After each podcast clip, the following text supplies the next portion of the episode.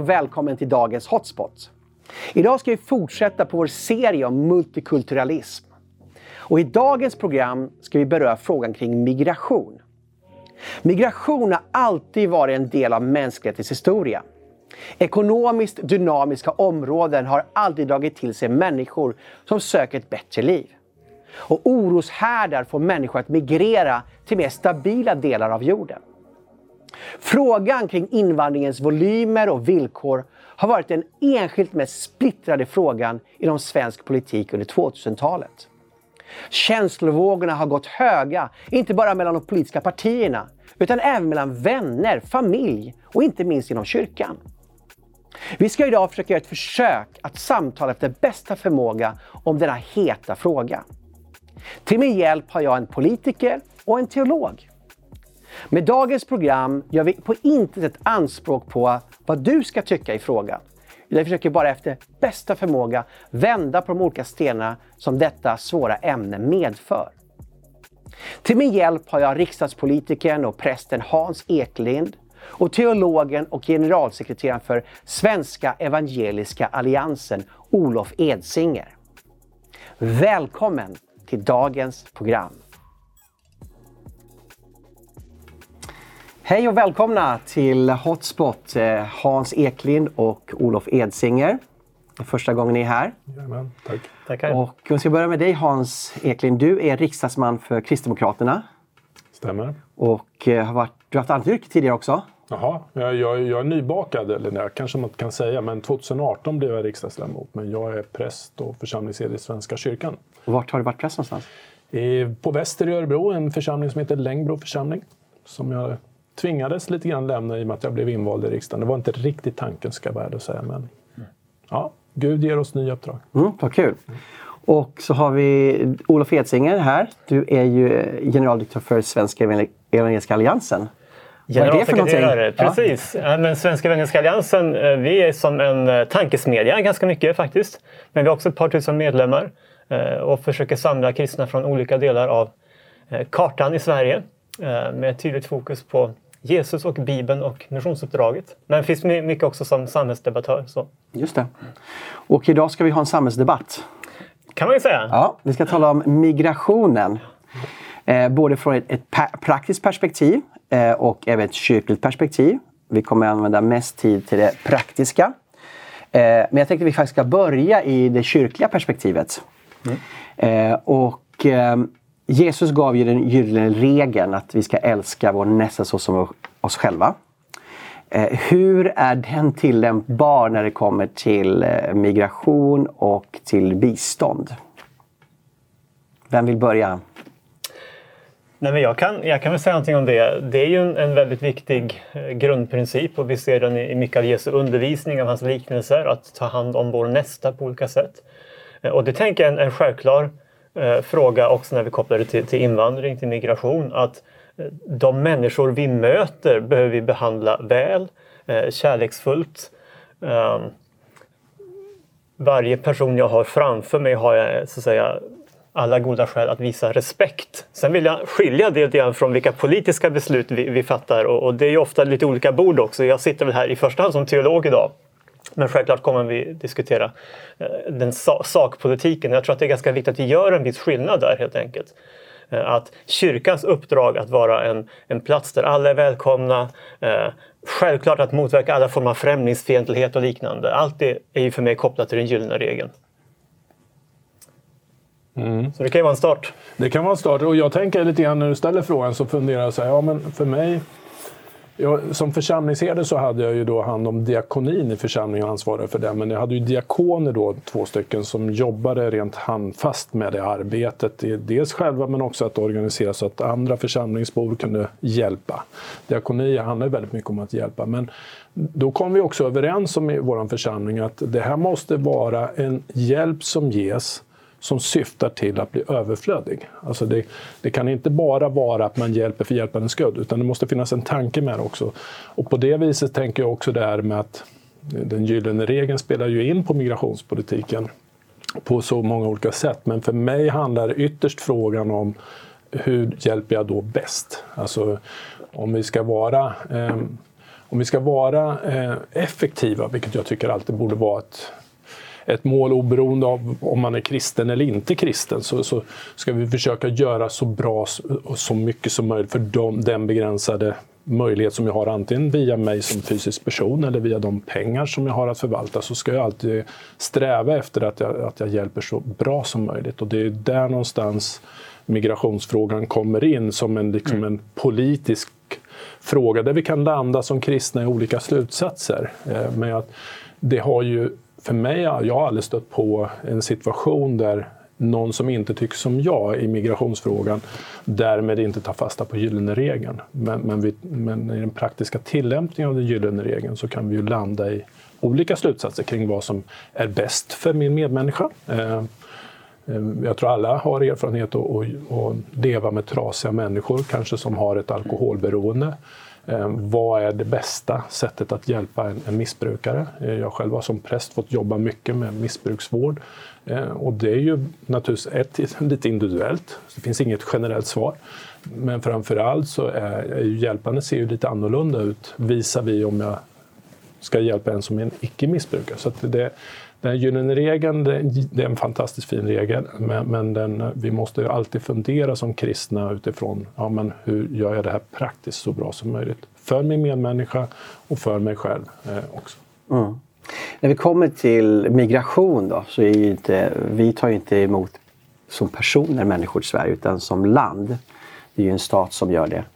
Um, vad tänker ni kring det? Alltså vi, Sverige har ett lutherskt arv och Luther talar ju om tvåregementsläran. Att kyrkan har en roll och staten har en annan roll och att de egentligen ska blandas ihop. Blandas det ihop tycker ni vad kyrkan säger till hur staten ska driva migrationsfrågan som, är, det, är det berikande eller är det att man inte egentligen eh, är relevant i sin kritik? Eller?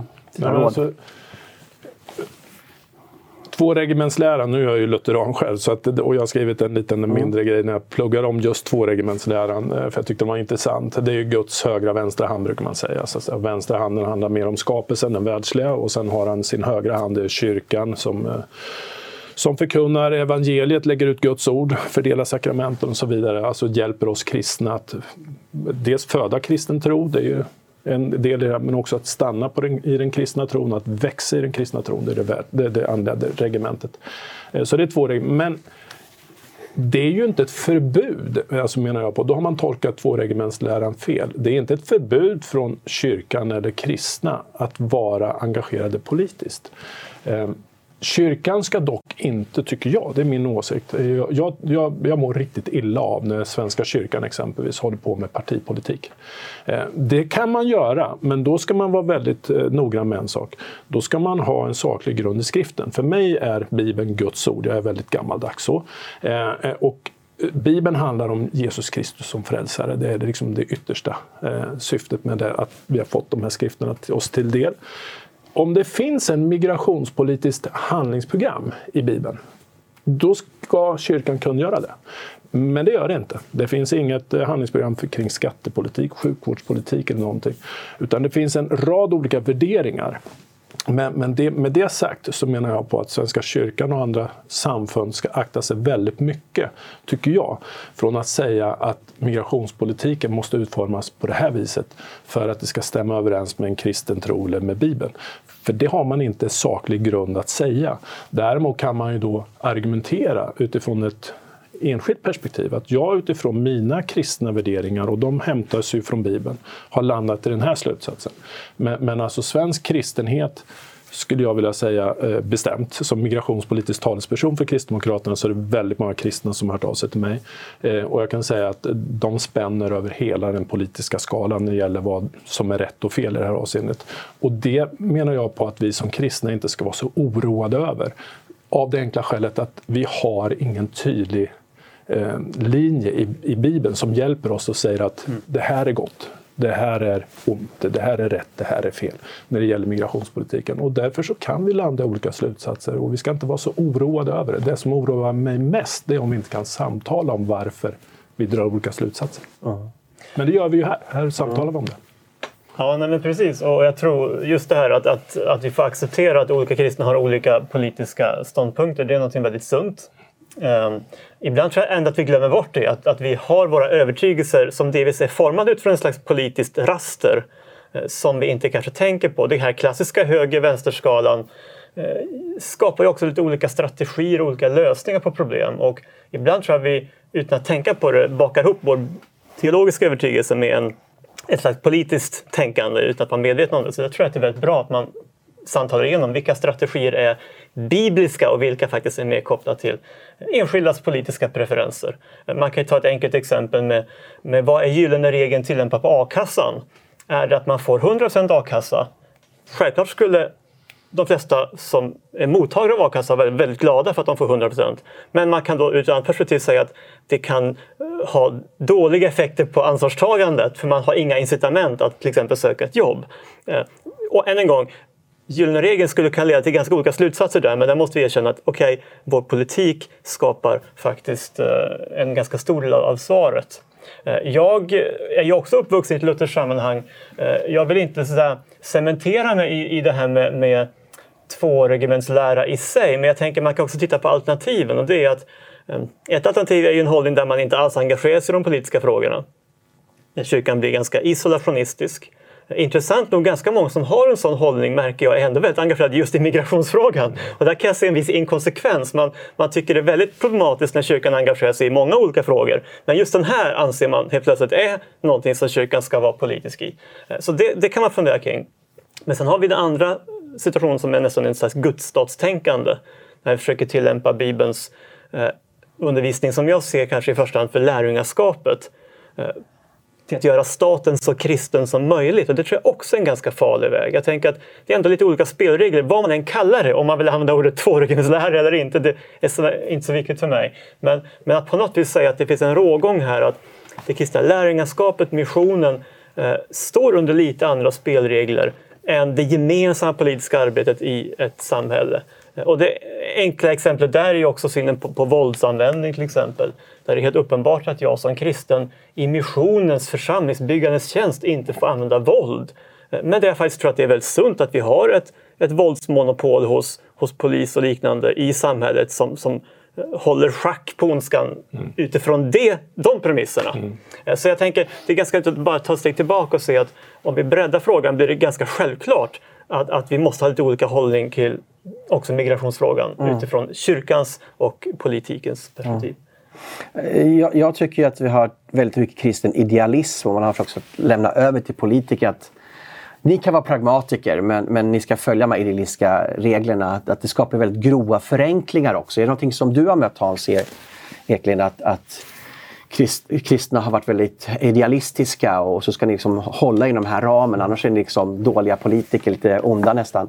Nej men man kan väl säga så här att jag, jag möter ju eh, ibland och det är, natur, det är naturligt eh, i och med att jag är präst och det är även kristna i riksdagen som har vänt sig till mig i förtroliga samtal. Men man, det man möter det är ju ibland kristna som ger sig in i politiken och som känner att man nästan måste smutsa ner sig lite grann för att vara i politiken. Och det är ju lite grann så. Det är väldigt lätt att sitta på åskådarläktaren och tala om hur killarna ska lira. Då kan man vara världsmästare. Men när du kommer ner sen och ska vara med i spelet så, måste, så är det inte fullt ett, det är inte fullt lika enkelt. Två, du tillhör ett lag, det vill säga det är inte bara du som kan bestämma hur saker och ting ska göra. Och det där måste hänga ihop. Eh, så det är klart att, att vara idealist, om man, om man om man har den tryggheten i att man, man vill liksom bara kunna säga det som där det inga kompromisser får vävas in, då är det klart, då är politiken, eh, det ska man inte pyssla med politik. Alltså, för politik handlar väldigt mycket om att kompromissa och som företrädare för ett litet parti så är det ju det är liksom själva vår existens. Det är att, och ska vi få igenom någonting så måste vi alltid kompromissa. Alltså, så länge du inte har 50 procent, då, då är du ju nödgad att hitta allianser och då, då blir det en kompromiss. Och då kan man naturligtvis fundera, och det finns ju en del sådana, eh, som vi har ju då exempelvis sagt att vi vill vi pratar med alla i, i, i riksdagen, alltså även med Sverigedemokrater. Och, och det, när Ebba Busch gick ut och som är vår partiledare med det här för snart var det, två år sedan, eh, då var det ju ett ramaskri kring detta. Eh, och för mig då som kommer in ny i politiken eh, från att ha varit i kyrkan, jag tyckte det här var fullständigt logiskt. Alltså för mig är det sandlåda att man inte försöker prata med alla och respekterar alla. Även om jag kan tycka att din åsikt i sak gör mig rent ont i hjärtat att få höra att människor kan tänka så. Men jag måste respektera att det är din tanke. Och sen kan man ju i samtalet då se, kan jag övertyga dig? För mig är det ju så självklart att man jobbar på det viset. Men som kristen så får man ibland stå ut med att, att eh, Olof är ju inne på det lite grann, typ med a-kassan. Alltså, jag menar, vi, här måste vi ju hitta, vi måste ta in andra perspektiv. Arbetslinjen är ju egentligen den som Olof problematiserar med. Får man 100% i a-kassa, då, då, kommer arbetslinjen inte att komma hållas uppe. Och får, håller vi inte uppe arbetslinjen, det vill säga att man hellre arbetar än att man går arbetslös, ja då får vi inte in skatter och avgifter. Och skatter och avgifter är det som vi behöver för att kunna ha en sjukvård, äldreomsorg och så vidare. Så det hänger ihop allting inom politiken och, och det gör ju att, att vara idealist, eh, det är bra, de behövs som, språ, som liksom påminner om saker och ting. Men, men det är, ska man påverka politiken, då är det inte bra alla gånger att vara renodlad idealist. Utan då måste du också kavla upp ärmarna lite grann och smutsa ner och se vad, hur passar det här in i en helhet. Och det är väl ofta det som jag känner att kyrkan brister i, om man ska säga nu, om man ska vara kritisk mot kyrkan som opinionsbildare. Alltså de, de sätter sig på sina höga pedestaler, precis som om inte exempelvis migrationspolitiken finns i ett sammanhang. Alltså migrationspolitiken hör ihop med, inte minst med integrations Eh, förmågan. Alltså vi, kan inte, vi kan inte bara prata om migration och sen inte låtsas om att vi har parallellsamhällen, utanförskap, att vi inte har bostäder exempelvis. Ja, men det mest elementära, var ska de bo? Det brukar jag alltid ha som en generalfråga när människor säger så här, ah, vi måste ha en generös migrationspolitik. Okej, okay, så var ska de bo? Och så tystnar allting. För att det är en ganska grundläggande egenskap. Och det är klart att om du då som kyrka lägger i migrationspolitiken och säger att vi ska tycka på det här viset. Men du har inget svar på frågan var ska de bo? Då blir ju jag som politiker blir så här, och varför ska jag lyssna på dig? Alltså, för du företräder ju någonting som är praktiskt ogenomförbart och politik måste alltid vara praktiskt genomförbart. Annars är ju det bara en massa fina ord som man staplar på varandra. Mm. Ja, men jag brukar säga att jag, jag, respekterar de flesta ärliga hållningar i den här frågan i grunden. Men, men eh, eh idealism i sig eh, där man inte så att, tar något slags ansvar för helheten, den, den tror jag ändå är, eh, den blir skadlig för hela frågan. Jag tror faktiskt att många upplever det som en slags backlash i politiken idag. Att man har talat väldigt mycket nu om att skruva åt så att säga och, och begränsa. Och, och jag kan också tycka att retoriken ibland känns väldigt tråkig. För jag önskar fortfarande att det skulle kunna vara en varmare retorik kring invandringen än vi, vi ser hos många politiker.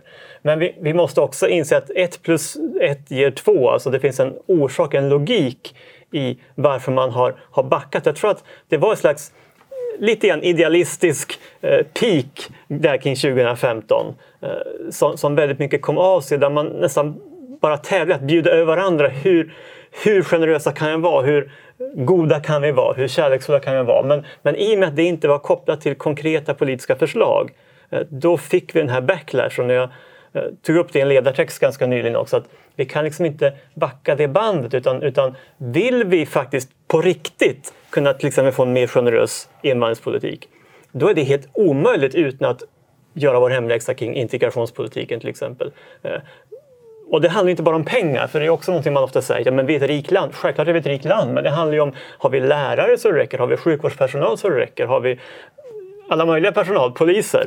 Eh, jobb till människor. Och jobb. Mm. Så att eh, som sagt, jag respekterar de flesta hållningar utom den hållningen som säger att det här är enkelt. Mm. Mm. Och, det här, och det, backlashen vi betalar, den, nu ska man inte hänga ut enskilda personer, men det är klart att när Fredrik Reinfeldt då säger öppna era hjärtan och Stefan Löfven säger vi bygger inga murar. Alltså, de antyder på, på något sätt då, genom de här värdeladdade uttalandena att, att det här är inga problem. Mm. Och det finns alltså, inga det här, begränsningar. Och, och, det, och när det då så det har ju blivit jobbigt tror jag för alla de som ändå, jag menar, det är ändå moderatledaren och Socialdemokraternas ledare, de, de de samlar rätt, många. Mm. Jag skulle gärna vilja att vi samlar fler, men de här tillsammans är ju en väldigt stor del av Sveriges befolkning som, har de här, som röstar på de här personerna. Och det är klart att den här omsvängningen blir ju jobbigare att göra, att ta till sig. När man har ledare som antyder att eh, nej men vi kan vara hur generösa som helst i princip, öppna era hjärtan. Det, det, det var ett misstag då, det är ett misstag nu och, och, jag tror att tyvärr så betalar vi fortfarande eh, delvis priset på grund av de här uttalandena. Mm. Jo, och jag tror vi hade fått ett helt annat utfall om de istället hade stått upp och sagt vi vill ha en generös politik kring det här. De närmaste fem åren vill vi ta in så här många. Vi vill vidta de här åtgärderna för att det ska vara möjligt. Vi har de här programmen för att undvika de här problemen. Alltså, då hade man ju gett en slags trovärdighet att vi, vi har löst också stegen på vägen. Mm, vi har en gameplan för det. Ja, då tror jag att det hade fått en helt annan respekt och inte alls fått den här backlashen. Det hade kanske ändå behövt dras åt en broms, men inte den här tydliga backlashen. För nu har ju folk också upplevt att de är svikna.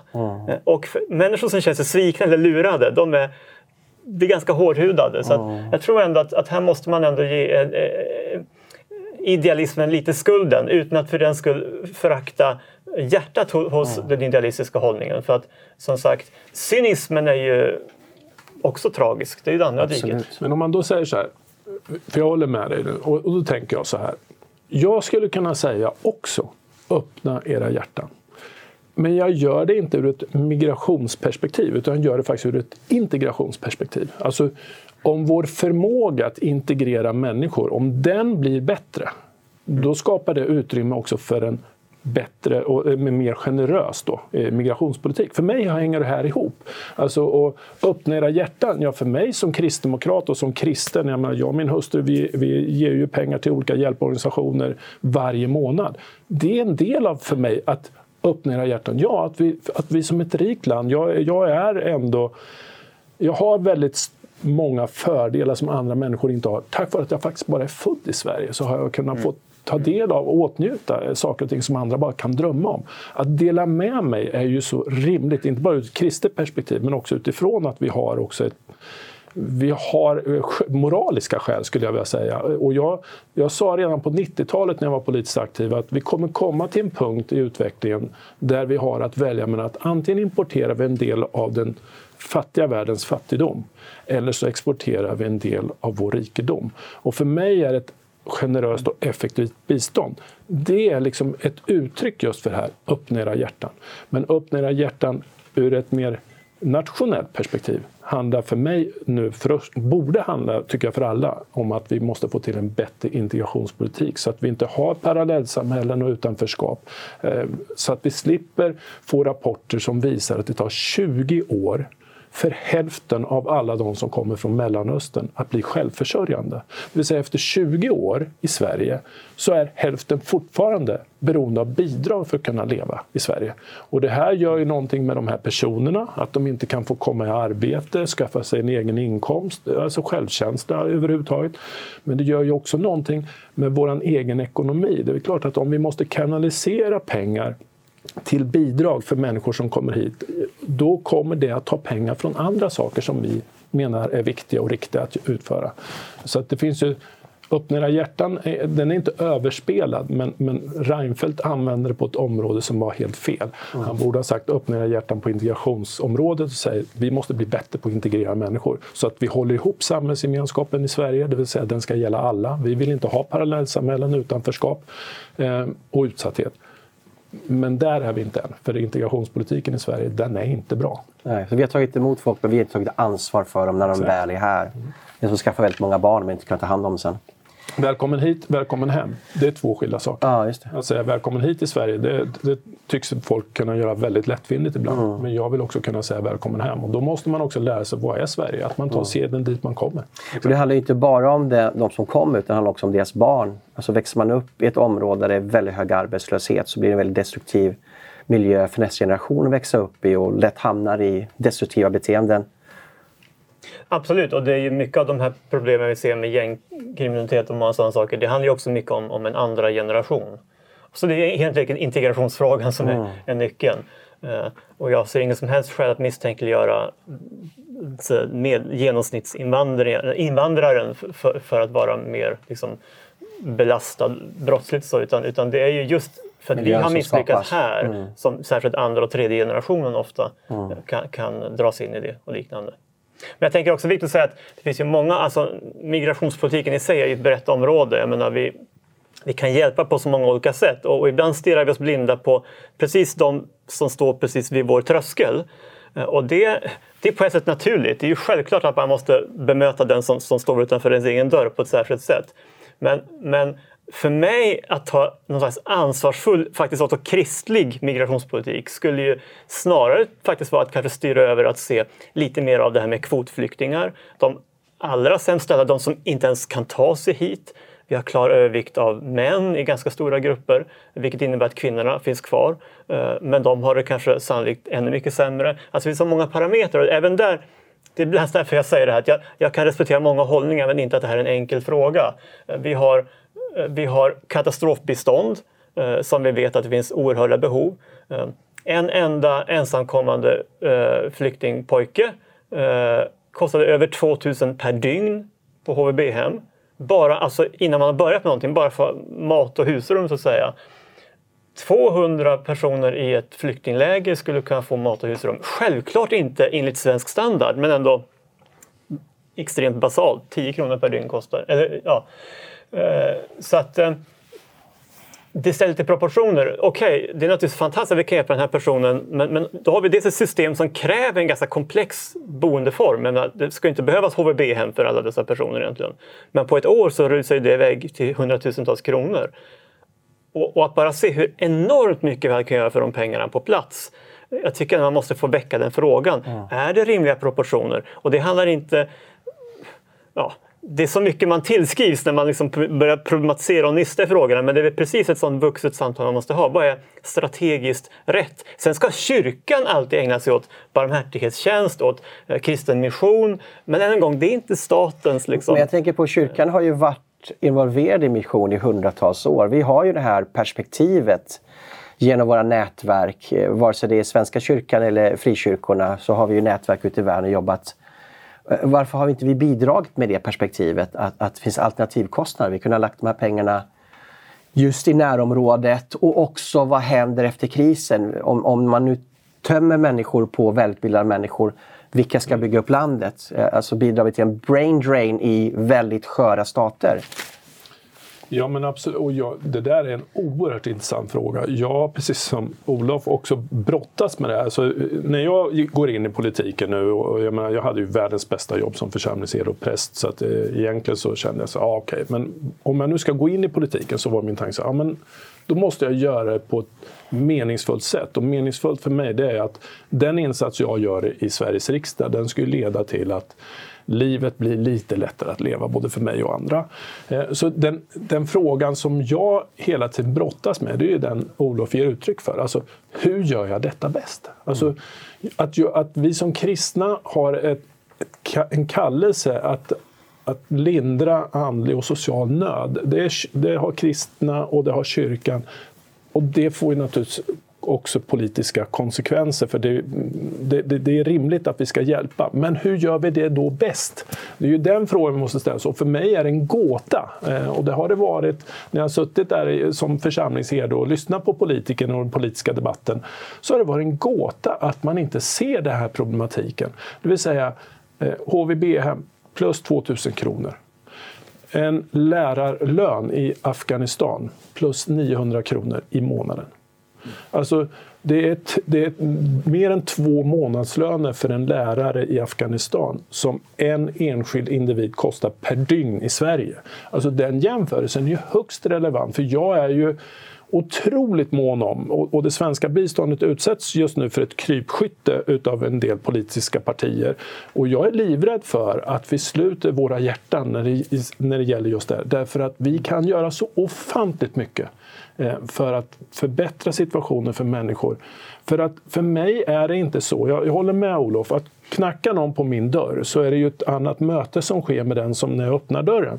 Men min bestämda tro är ju att alla människor är skapade av Gud själv. Alltså det är mina syskon, mina systrar och bröder, även fast jag inte vet vilka de är. Och de som har det allra sämst ställt, Och nu hoppas jag att alla som ser det här programmet ska komma ihåg en sak. De som är allra värst ute, det är inte de som kommer till Sverige. Alltså, punkt. Och, och det här med kvotflyktingar som Olof lyfter, det är också en fråga som jag också funderar väldigt mycket över. Därför att det är ju UNHCR, alltså FNs flyktingorgan, som hjälper till med att plocka ut då kvotflyktingar. Eh, och då når man verkligen människor som har hamnat i läger därför att de har inte resurser, kontakter mm. att ta sig till Sverige.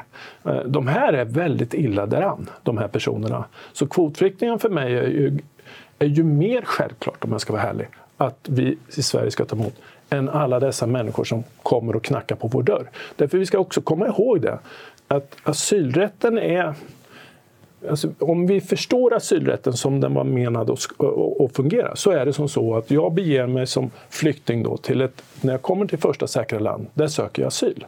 Så i den bemärkelsen kan man faktiskt säga att vi, vi har ett antal migranter som kommer till Sverige, för det är ytterst få som kommer direkt till Sverige, utan de beger sig genom säkert land efter säkert land efter säkert land efter säkert land för att knacka på våran dörr.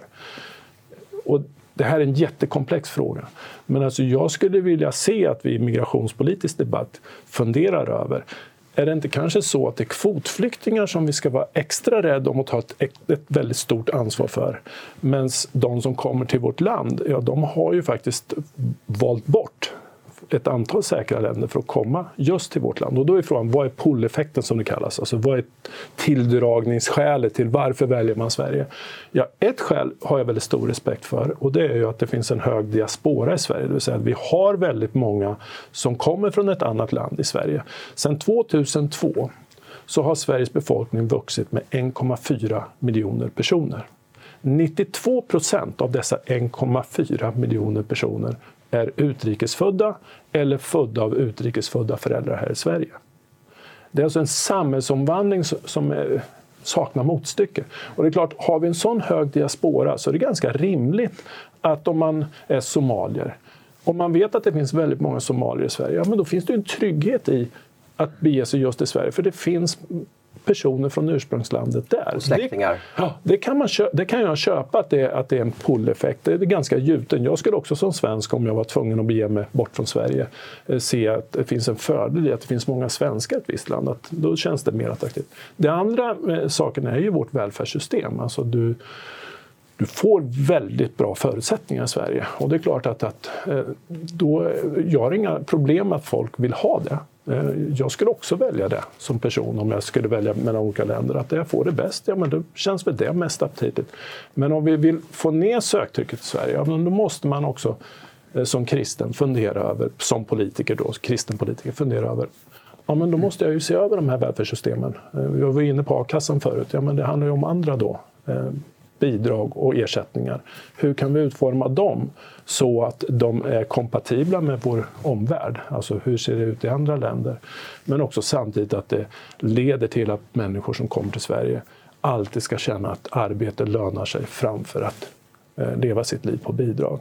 Och idag har vi ett bidragssystem som gör att det är ibland faktiskt en ren ekonomisk förlust för en person som kommer till Sverige att ta ett lågbetalt jobb visar vi att, att gå arbetslös. Och det, ja, så det finns många sådana här svåra frågor som jag som kristen Och det motverkar ju integrationen också, om man inte får ett jobb. Det gör det absolut. Men, men, det både men den stora ja. frågan är, och den, den tycker jag att, att eh, Olof har lyft, på, upp, lyft fram på ett bra sätt. Alltså, vi måste ställa oss frågan, hur gör vi detta bäst? Mm. Alltså, de, de goda intentionerna eh, tror inte jag skiljer kristna åt. Det är snarare vad vi landar i vad som är det mest effektiva sättet att komma från den här eh, teoretiska tanken till den praktiska verkligheten. Där kan vi skilja oss åt. Men då tycker jag att då ska vi ha ett samtal om de här alternativen utan att vi så att säga stigmatiserar varandra. Typ som att ja, men då är du ond om inte du tycker som jag. Så är det inte. Nej, men det handlar både om integrationsperspektivet. Det handlar också om eh, någon slags legitimitet. Man brukar ta om samhällskontraktet. Att, att eh, eh Dels så måste vi genomföra sådana här förändringar på demokratisk väg. Det måste finnas ett stöd för i befolkningen. Det kan man tycka vad man vill om då, hur opinionens vindar går, men, men vi måste någonstans ändå anpassa oss lite grann till vad vi har täckning för. Och politikerna måste göra det framför allt. Mm. Sen kan kyrkan vara en profetisk röst att utmana majoriteten. Det har jag inte något problem med. Men då inte bara som att tävla om vem som bjuder högst utan vem som har lösningar som kan skapa en, en, en sån generös hållning. Yes. Uh, men men uh, uh, det är också väldigt rimligt att till exempel en fattigpensionär i Sverige som har betalat skatt i hela sitt liv um, känner att det blir, blir, konstigt om man kan lite grann komma från sidan av utan att ha varit en del av det projektet och få samma eller kanske till ännu bättre förutsättningar. Eh, och för mig är inte det att vara ogin. Det handlar om att om allt för stor grupp i Sverige som faktiskt ser sig som bärare av det här samhället sedan kanske flera generationer, eh, definitivt sitt eget liv. Eh, om de inte tycker att systemet levererar så att säga, så får vi också ett demokratiproblem. Ja. Eh, och, och, som sagt, det där kan man, man kan raljera och där tycka att folk är snåla och ogina, men, men jag menar, titta fattigpensionären rakt i ögonen och säg det att, att, att det är bara du som är grinig. Jag tycker det blir också det blir oschysst, man spelar på oschysst sätt. Um, och uh, ska vi tänka strategiskt kring, kring det här migrationsarbetet så, så vi vet att det är enorma behov uh, kring katastrofbistånd till exempel. Um, ofta också vid stora katastrofer som man har givarkonferenser och, det lovas mycket, och inte alltid levereras så mycket. Det är ingen tvekan att vi kan göra enormt viktiga insatser där på en väldigt grundläggande nivå. Och att att åtminstone pröva tanken om man ska styra om lite mer så att vi har mer kvotflyktingar, de vi vet verkligen har akut hjälp, de som har genuina asylskäl. Självklart det här som vi har talat mycket om i kristenheten med, med kristna konvertiter där ju Migrationsverket agerar orättfärdigt menar jag. För mig är inte det någon som helst konflikt att ta den fighten och att också kunna säga att nej, men det kanske är rimligt att vi, vi styr om ändå en del av, av ekonomin här till att, att faktiskt gå till de som har det allra sämst ställt och som ofta inte har en chans att ta sig hit till Sverige. Mm. Det där som Olof säger nu, det är faktiskt någonting som jag lever i. Eh, mm. Alltså jag slåss ju stenhårt för konvertiternas möjlighet att få en rättssäker process. Eh, för den är undermålig, alltså själva processen där man ställer och har ställt en, en enorm massa kunskapsfrågor till en konvertit. När alla vi som är kristna vet att jag är ju inte kristen därför att jag vet att det finns 66 böcker i Bibeln. Alltså, jag är ju kristen därför jag tror att Jesus Kristus, han är inte död, han lever. Graven är tom. Alltså det är ju liksom själva relationen med den uppståndne Kristus som gör att jag är kristen.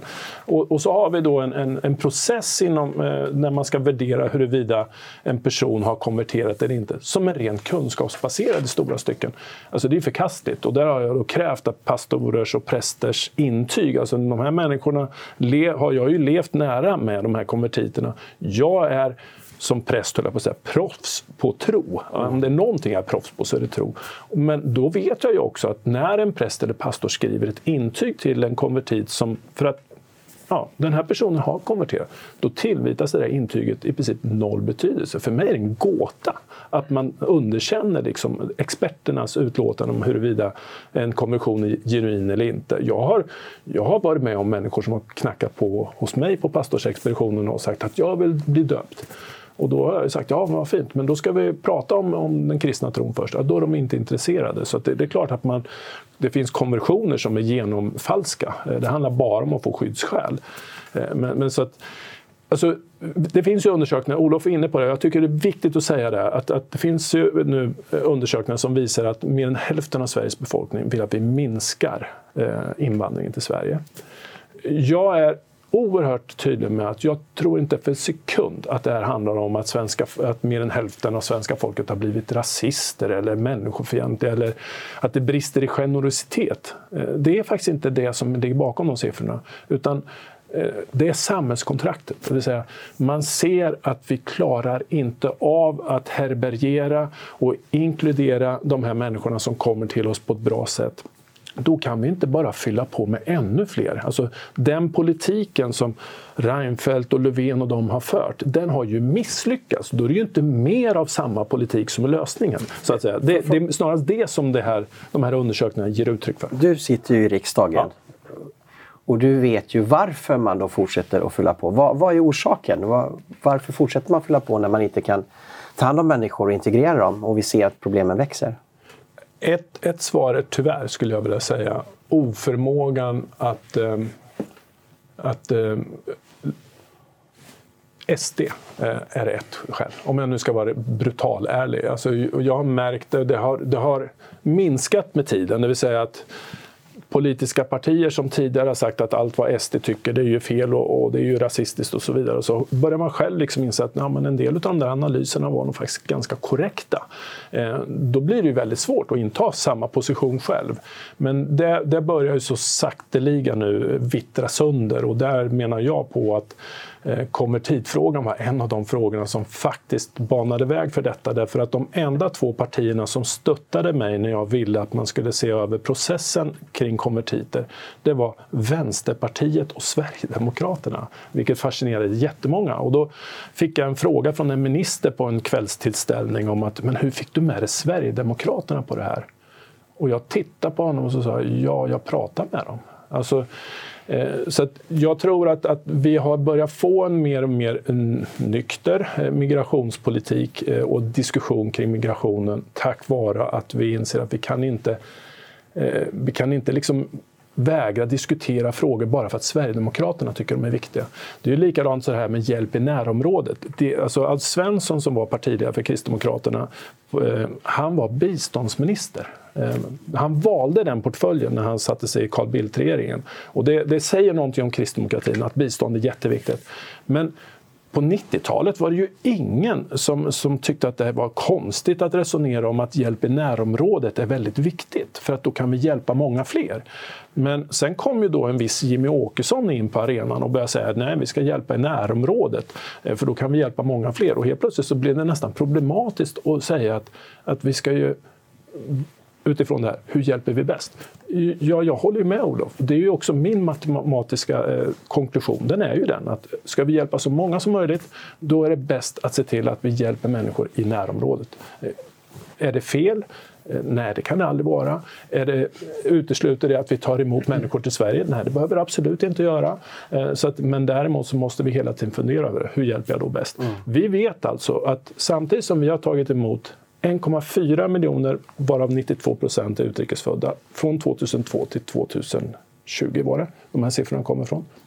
Så har Yale University konstaterat att under det här århundradet förväntas 1,4 miljarder personer migrera. 1,4 miljarder. Det är så otroligt stora siffror så det är svårt att ta in. Men det man kan konstatera att även om Sverige nu har, har liksom tagit emot väldigt många personer hit till vårt land så har ju inte antalet flyktingar och migranter minskat utan det ökar hela tiden. Så invandring till Sverige menar jag på för mig är det enkelt. Jag, jag säger, det är inte lösningen. Det kan vara en nödvändighet utifrån att vi måste skydda människor som faktiskt flyr för sina liv och så vidare. Det tycker jag är rimligt att man också är väldigt tydlig med. Men den andra delen, det är ju att vi måste se över hur kan vi göra det möjligt för människor att stanna i sina ursprungsländer och känna ett hopp att ja, men jag, jag, är kvar här, för jag kan få ett bra liv här också. Det är ju det enda sättet om vi ska stoppa migrationen.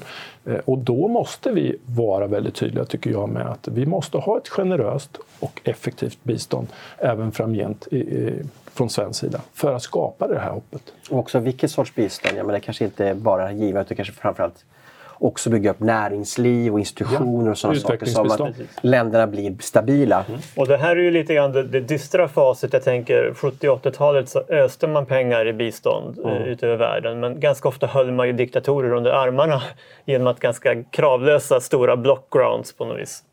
Så det är precis den här verksamheten som, som, som, kan hjälpa. I, I Europa har vi också låsningen kring migrationspolitiken. Det måste jag också vara ärlig med att säga att det finns låsningar på EU-nivå som, som skapar stora problem här. Eh, som gör att det så att säga, är allt annat än idealiskt läge om man säger så. Men, men för mig är det här, för att gå tillbaka till det kristna perspektivet, för mig är det här en jättesporre till faktiskt kristen mission. För klassisk kristen mission är holistisk. Man bygger skola, kyrka eh, och sjukhus eh, och liksom tänker helhet. Och, eh, ska, när jag tänker vad jag vill ge mina pengar till så ger jag med stor glädje till internationell mission. Mycket kopplat till det här. För att definitivt om människor får en personlig tro på Jesus. Vi vet att även det får stora viktiga konsekvenser för hela livet men också för hela samhället i förlängningen. Så jag skäms inte för att säga det att alltså som kristen så, så, eh, så tror jag att den, den internationella missionsarbetet som vi har det, det, är vårt kanske främsta bidrag också till de här frågorna. Mm. Och sen har vi också en mission idag som lagt till en sak och det är jobbskapande. Det ser ju väldigt många missionsarbetare som säger att det vi måste skapa jobb och, och därmed också ge ungdomarna hopp att stanna kvar i sina länder. Så är det. Så roligt när du säger det Olof, det här vet ju inte du om. Men i morse så hade ju kristna gruppen i riksdagen, vi umgås ju eh, digitalt. Ja. Och vi har ju Niklas Pienso som en av våra kaplaner. Han säger ungefär exakt det du sa nu. Nämligen att när kristna då missionerade, ja, man byggde kyrka, men sen var det skola och ett sjukhus. Mm. Alltså den här kropp, själ och ande var ju, var ju han i och för sig ute efter och en predikan. Men, men, men det, det, stämmer ju. Alltså det här är ju så oerhört logiskt utifrån ett kristet perspektiv. Mm. Jag tänker också att vi var inne på eh, varför man har drivit en, en, en väldigt stor migrationspolitik. Finns det också olika särintressen? Alltså arbetsgivare som vill, vill billig arbetskraft. Du kan ha också politiska partier där man kanske då i stora delar röstar på vänstersidan man kommer, i alla fall i början, tills man kanske fått ett mer etablerat liv. Även kyrkorna kan ha viss intresse att vi, vi har en döende kyrka här ute i norra Värmland och nu kommer in massor med nya människor som då blir kristna. Att det finns också massor med särintressegrupper som har pushat på det här. Ja, alltså, ja, ja, på sitt sätt svar ja. Men, mm. men när det gäller arbetskraftsinvandringen så har vi ju naturligtvis ett behov av arbetskraft utifrån. Det är ju en grundläggande skälet till varför vi har en arbetskraftsinvandring. Det som är så vrickat i Sverige det är att vi skiljer inte på Eh, vilken typ av arbetskraftsinvandring som kommer till Sverige. Det vill säga, vi behöver naturligtvis spetskompetens. Vi har bristyrken i Sverige, det vill säga vi inte har egen arbetskraft. Det är ju fantastiskt om man kan fylla på med arbetskraft utifrån. Kruxet med den svenska arbetskraftsinvandringen det är ju att den är ju mångt och mycket utgörs av arbetskraft som vi faktiskt har egna arbetslösa men arbetsföra personer som, som kan sköta det jobbet. Så det är det som är grundproblemet där. Sen, sen, sen tänker jag att det som Alltså vi, mer den svenska självbilden, alltså som den humanitära stormakten, alltså, som har spelat oss lite grann ett spratt. Det vill mm. säga att vi, vi vi ska vara bäst i klassen i allting. Hybris, då. Och, och, och, då är ju bäst i klassen vill jag gärna vara, men då ska det vara hållbart långsiktigt och det ska vara Eh, det bästa möjliga alternativet. Vi tillhör ju Sverige också en av de största biståndsgivarna i världen. Eh, det ska vi vara väldigt glada och stolta över tycker jag. Samtidigt så måste vi då kunna problematisera biståndet därför att vi vet att mycket av det bistånd som vi ger fungerar inte. Eh, så jag har ju försökt ge mig in lite grann i biståndsdebatt genom att säga Eh, lite Donald Trump-aktigt. Alltså, finns det inte eh, kristna, andra organisationer som redan finns där i det området där vi vill hjälpa, som har upparbetade kontaktnät, som vet exakt hur, vad det är som behövs just nu och där det inte försvinner en massa pengar i mellanled. Alltså, och jag ska väl säga, jag har gått in nu som styrelseledamot i Lepra-missionen, ett uppdrag som jag är otroligt stolt över. Eh, och ett skäl till varför jag är väldigt stolt över det, det är att eh, overheadkostnaderna, alltså de, de kostnader som Lepra-missionen har, om du ger en hundralapp till Lepra-missionen hur mycket pengar av den hundralappen går vidare till de som vi faktiskt Lepra-missionen vill hjälpa och anser sig kunna hjälpa. Ja, när det gäller lepra så är det över 90 procent som går till de leprasjuka. Eh, och då blir jag stolt över att få vara del av ett sånt viktigt arbete. Så att, eh, ja, nej, jag tror att det, det, jag skulle nog säga mer att det är den svenska självbilden som på något sätt har spelat oss ett spratt. Att vi tror att vi måste vara hela världens samvete. Vi ska ta Sverige ska hjälpa utifrån sin förmåga. Alltså för mig är det det rimliga. Därför då kan vi bibehålla det här samhällskontraktet. Eh, så att eh, inte det går sönder. Vi, vi, måste också kunna hjälpa svenska människor som, som bor här i Sverige som betalar skatt och avgifter. Det är en form av försäkring. Så när jag, om jag blir cancersjuk då ska inte jag behöva stå i en vårdkö. Vi har människor som har dött i vårdkön på grund av att de inte har fått vård i tid. Och jag brukar tänka ibland på alla hemlösa. Jag, ja, vi har människor som ligger på gatorna och sover på nätterna ute i kylan och, och, vi tar inte hand om dem. Vi har vår nästa väldigt nära oss. Eh, men jag skulle vilja också fråga, så här, ska vi inte vara väldigt glada också att många människor vill komma till Sverige och bidra till det här landet? Och det finns ju väldigt många som har invandrat hit som är väldigt stolta att tillhöra Sverige. De är ju mer svenska än svenskarna ibland. Liksom, för jag känner ju flera invandrare. De är ju så otroligt glada i Sverige. Så det finns inte. Och, och, och också vad det skapar av kontaktnät och affärsnätverk ute i världen. Mm. Nej, men jag, vi ser jag, den sidan också. Jag skulle vilja säga att jag personligen, jag är i grunden eh, Alltså jag är i grunden positiv till invandring. Mm. Jag är jätteglad att vi har kunnat integrera så många som vi har gjort.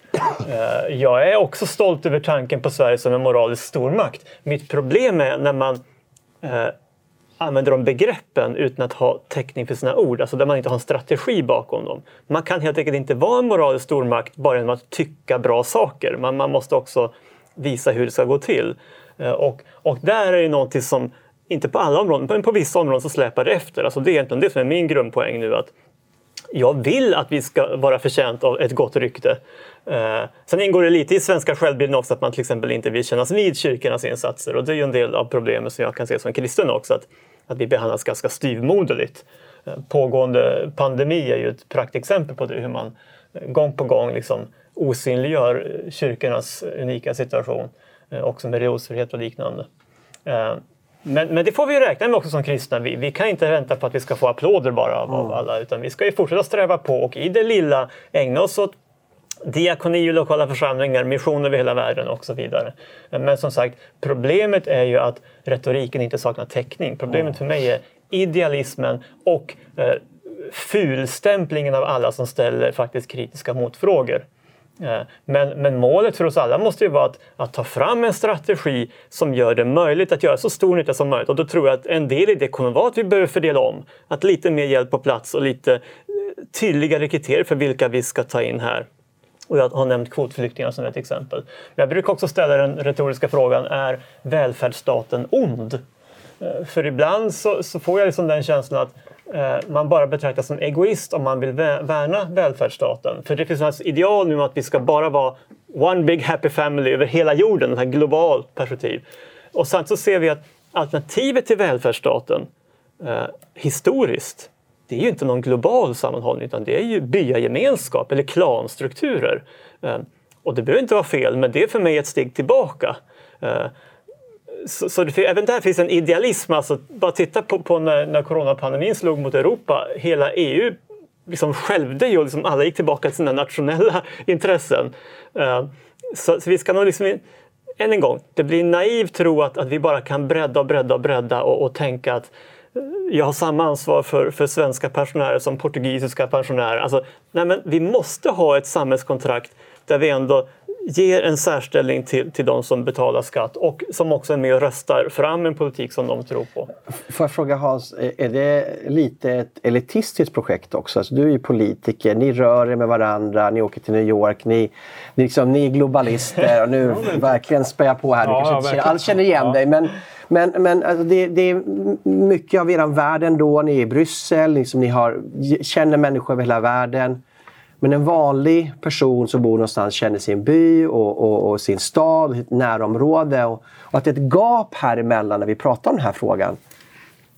Nej, men, ja, det, det är ju många debattörer som har påpekat det, att de mest flåshurtiga eh, argument, eh, agitatorerna för en generös eh, migrationspolitik de bor ju inte i, i de eh, parallellsamhällena som tyvärr är ett resultat av att vi har eh, låtit för många komma in till Sverige utifrån den förmåga vi har att integrera människor. Och, och, och när man bortser från, från det så alltså man, man använder sig av väldigt humanistiska fina begrepp. Man staplar dem på varann. Men när du börjar skrapa på det där och se ja, men, vad har du, ja, strategin som Olof säger, men hur ska det gå till då? Alltså, var ska de bo? När man inte ens har svar på den frågan, då tycker jag någonstans att då är det rimligt utifrån en kristen omtanke Eh, också att ställa frågan, ursäkta men nu vill inte jag lyssna längre för att den här grundläggande frågorna måste du kunna besvara. Annars blir du en, möjligtvis en ganska skicklig idealist. Men du har ju noll praktisk betydelse för hur samhället kommer att utvecklas. Jag är också grunden för invandring. Alltså jag, jag tycker det är positivt med invandring så länge den anpassas till vår förmåga att integrera. Alltså för mig är det igen, välkommen hit och välkommen hem, det är två skilda saker. Eh, och jag menar, välkommen hem inkluderar ju att du lär dig språket, hur Sverige fungerar, att du tar seden dit, dit du kommer. Att du också tar, ser till att du skapar eh, alla möjligheter för dig själv att bli anställd, det vill säga komma i egen försörjning. Det finns ju en rad olika saker som är en del av att bli en del av Sverige, på riktigt. Eh, och, och jag menar, det är ju där migrationsdebatten tror jag kommer allt mer att svänga till, alltså integrationen. Jag hoppas verkligen att jag får rätt i det.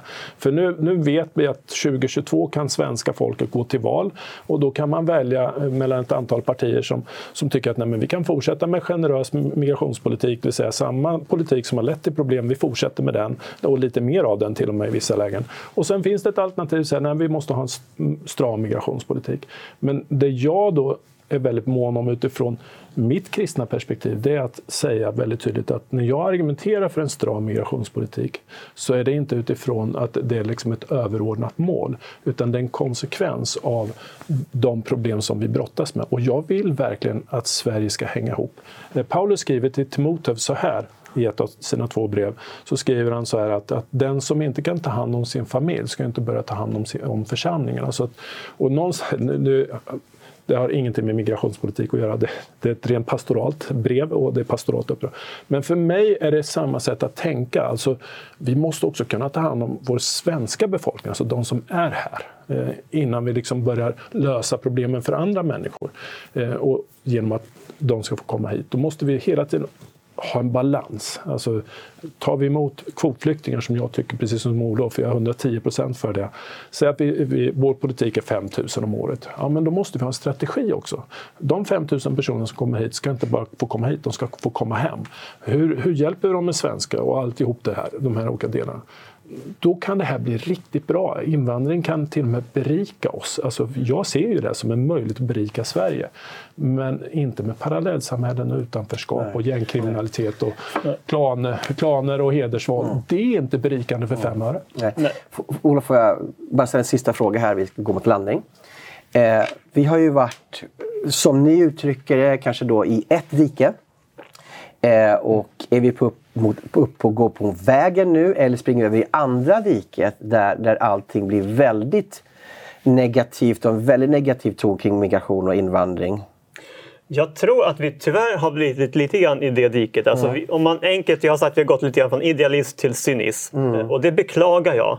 Eh, min poäng är väl egentligen att vägen tillbaka upp på vägen, den kan bara gå via konkreta politiska förslag. Inte skuldbeläggande av av andra utan helt enkelt konkret fråga, så här kan vi ordna mm. så att vi får till det här bra. Eh, och sen vi började i det dubbla kärlek, eller, eller gyllene regeln egentligen. Dubbla kärleksbudet kunde jag också ha talat om.